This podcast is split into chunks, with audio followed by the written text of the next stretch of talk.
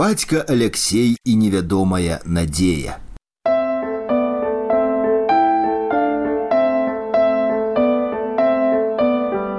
Я гэты горад знаю з даўніх дзён, дзе дрэмлюць замка гордыя руіны, дзе ўзняў густое вецце ясень клён над сном акамянелым гідыміна, дзе пад аркадамі сівых муроў праходзяць тені вулкамі вузкімі, пясняр літвы на днёманскіх палёў у вопратцы дарожнай пілігрыма і каліноўскі і мае сябры я чую голас іх у змроку шэрым, і як вялля праз пушчы і бары плыве і б'ецца ў непрыступны бераг.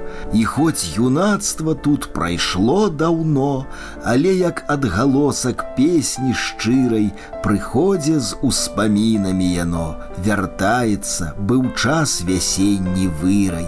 Яно на кожнай вуліцы ўстае, гарыць у вераснёвай пазалоце, дзе ветер думы першыя мае рваў на лукіскім на калючым дроце, І ўсё ж люблю я гэтых вуліц гул, гараду панар, высокі золак раніц і маладосць абвітую ў тугу, якой у вочы можна смела глянуць.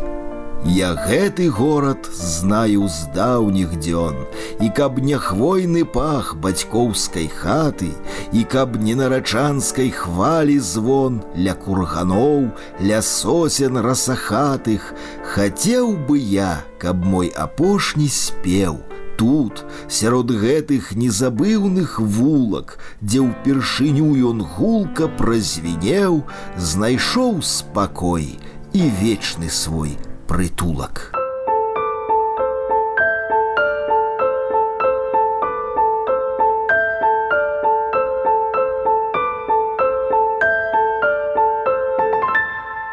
Аўтар гэтых радкоў урэшце знайшоў свой спачын ля курганоў, ля сосен расахатых. Але жаданне быць пахаваным у вільні выказаў не толькі Масім танк. Гэты матыў гучыць у вершах Наталлі Арсенневай, пра вечную вільню мроіў і Владзімир жылка, толькі ва ўсіх выйшла па-іншаму. Жылка ляжыць у далёкім прыўраллі, а Арсеннева увогуле за акіянам. І што нам чытачам рабіць са сваёю патрэбаю наведаць магілу паэта, каб успомніць, пачытаць вершы, ушанаваць. У арсенняўскай вільні такая магіла ёсць.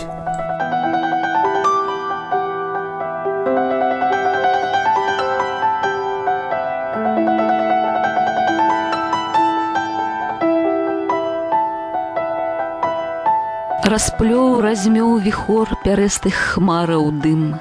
Дзень адпаўзае ўзмерк вузкіх завулкаў лазам.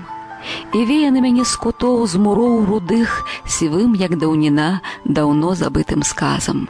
Мне чуецца ці смех ці плачці штось яшчэ у сімфоніі ціхой вячорных гукаў места. Лязом мяча вялля спрабуе заблішчэць і полымя зары пяруна хорам песціць. Як тут люблю я ўсё. Чырвоны вулак брук і залатым пяском асыпаныя дахі. Манюся тут сваю апошнюю зару я сустракаць, адсюль пайсці адвечным шляхам. Ва ўспамінах паэтка згадвае свайго бацьку Алексея Арсеннева, які памёр у вільні ў 1926 годзе. Мы трапілі на кватэру да людзей, што прымалі ўдзел у жыцці беларускага грамадства. Дачка іхная вучылася ў восьмым класе першая віленская беларуская гімназіі. Як толькі мы крыху паздаравелі, а маці перажыла першае гора па смерці мае сястры, яна пачала старацца неяк наладзіць наше жыццё. Бацька быў ужо стары хворы і не мог шмат памагчы ёй у гэтым. Праз нашых гаспадароў маме ўдалося ўладзіцца працаваць на амерыканскую дапамогавую кухню ў беларускай гімназіі. Гэта былі вельмі галодныя пасляваенныя часы і кухні такія былі адчынены пры ўсіх школах, каб дакармліваць дзяцей і моладзь. Працуючы там, мама пазнаёмілася і пасябравала шмат і з кім з настаўнікаў і ў выніку гэтага пад весну 1920 года мы ўсе трое былі прынятыя ў гімназію. Як я цешылася, што хоць у голадзе і холадзе, але я магла ізноў вучыцца. З вялікай ахвотай узялася я за вывучэнне беларускай мовы, ужо знаёмае мне з вёскі пад дрысаю.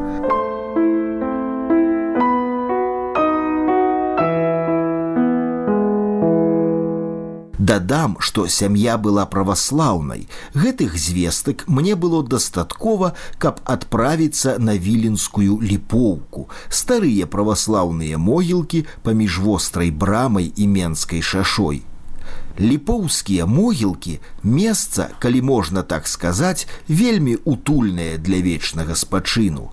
Узгоркі парослыя векавымі дрэвамі у нізінах акуратныя сцежкі.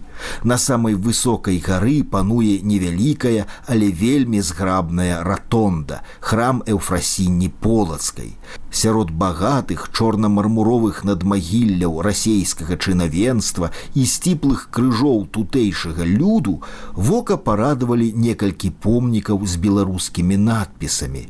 Рэха міжваеннай вільні але магіла арсенневых нідзе не сустракалася.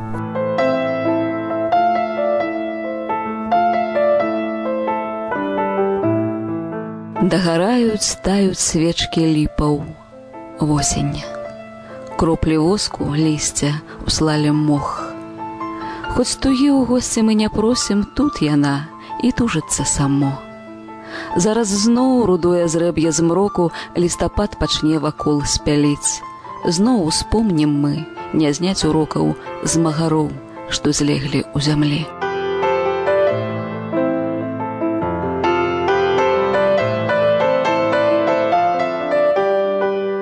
Па дапамогу я звярнуўся да настаяцеля царквы айца Владимира. Святар, дарэчы, беларус з мастоў да маёй справы паставіўся паважна, адклаў свае гаспадарчыя клопаты і адшукаў кнігі з вопісам міжваенных пахаванняў. Праглядаючы разам старонку за старонкай, мы ў раздзеле, прысвечаным 24 участку, неўзабаве знайшлі наступны запіс.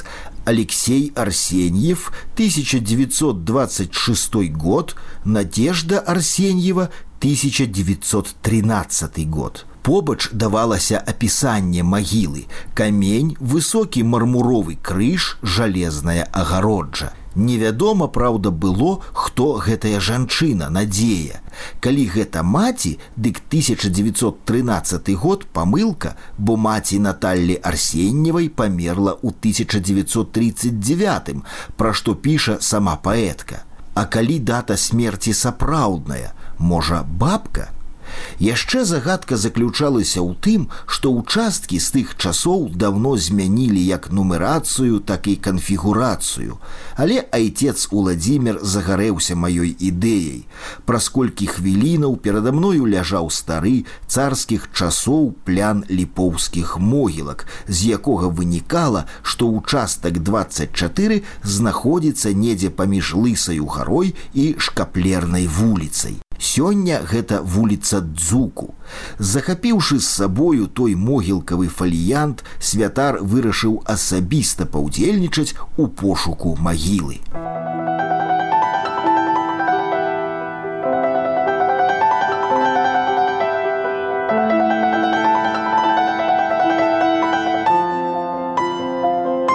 Ціха восень да імшы пахавальнай паліць жоўтыя свечкі ў гаі, усё бярозкі малыя асіны.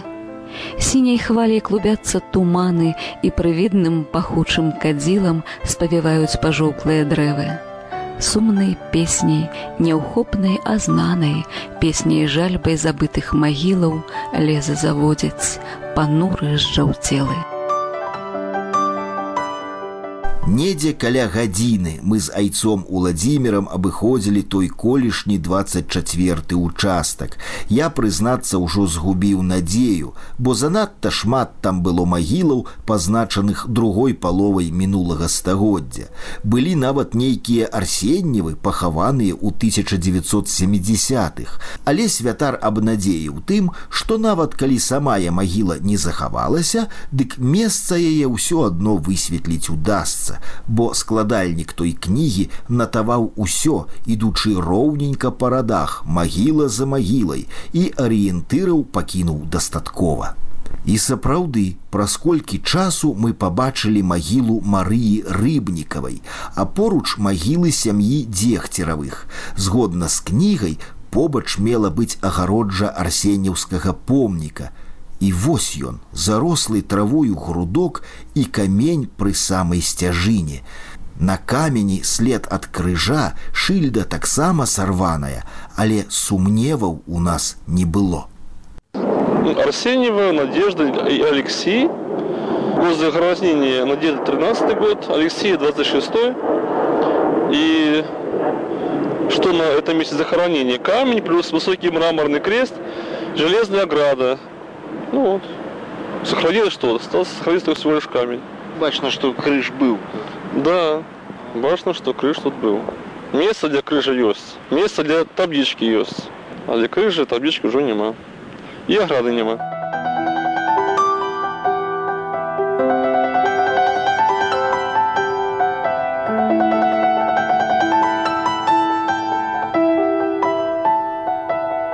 Зацерлі золь слата няўзнак імёны год.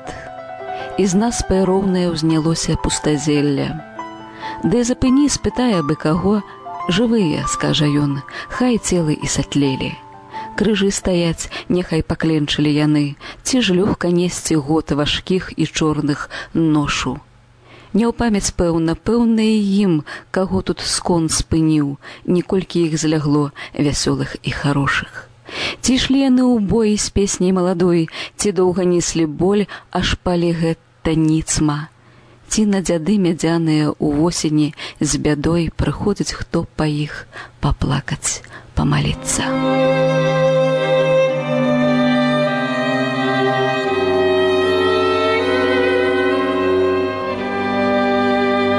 Айцец Уладзімир пайшоў у сваіх справах, а я застаўся каля сямейнай магілы арсенневых, той самай, дзе павярніся гісторыя па-іншаму магла б знайсці свой спачын і паэтка. Гэта значыць, з'явіўся яшчэ адзін віленскі адрас. І тым, каму дарагая творчасць Наталлі арсенневай, цяпер ёсць куды прыйсці, каб пакласці кветкі.